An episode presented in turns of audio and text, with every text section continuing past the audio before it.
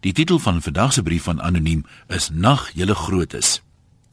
Naas Botha het altyd gesê: "Wys my jou goeie verloorder en ek wys jou 'n gereelde verloorder."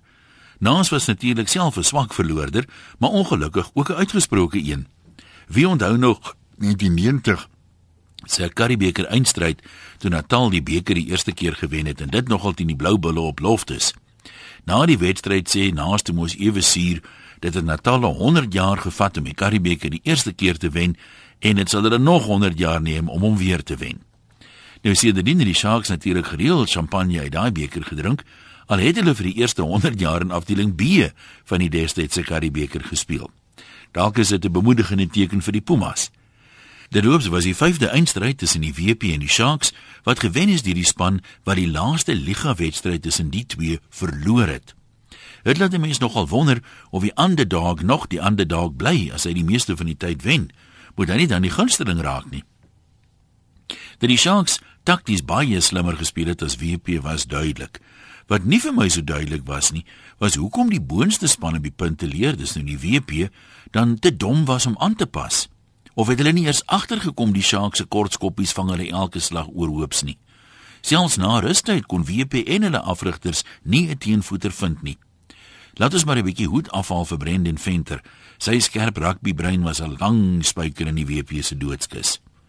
Dat die druk wat die Sharks toegepas het, die WP tot vierde foute gedwing het, is gewis, maar verklaar dit hoekom WP nie die inskoppe kon bemeester nie. En wat het in die lynstaande aangegaan waar hulle seker 6 van hulle eie ingooie verloor het? Ek dink selfs nie eers die Sharks kon gehoop het dat hulle lynstand staan taktik so goed se gewerk het nie.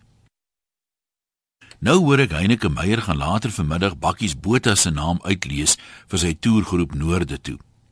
Pieter Steef het toe Saterdag aangewys as 'n uh, man van die wedstryd en hy hoort in die beginspan saam met Eben Etzebeth. So dalk is oom Bakkie se rol net om hulle 'n bietjie te leer van toestande in die komende wêreldbeker. Hy speel mos nou in Europa. Of daar's mos altyd 'n verrassing. Dalk gaan Bakkies John Smith en Victor Matfield die kern vorm van ons voorspelers vir 2015 se Wêreldbeker. Maar terug by die Karibeker. Ek gaan dit met my hele hart vir Jean de Villiers en Skalk Burger om 'n slag die Karibeker omhoog te hou. Maar met die haie se mengsel van springbokke en toekomstige springbokke, glo ek 'n paar goue jare lê vir hulle voor, veral met Jake White as breier. Maar nou vir eers kan al die ou grootes 'n bietjie lekker gaan rus. Groete van oor tot oor. Anoniem.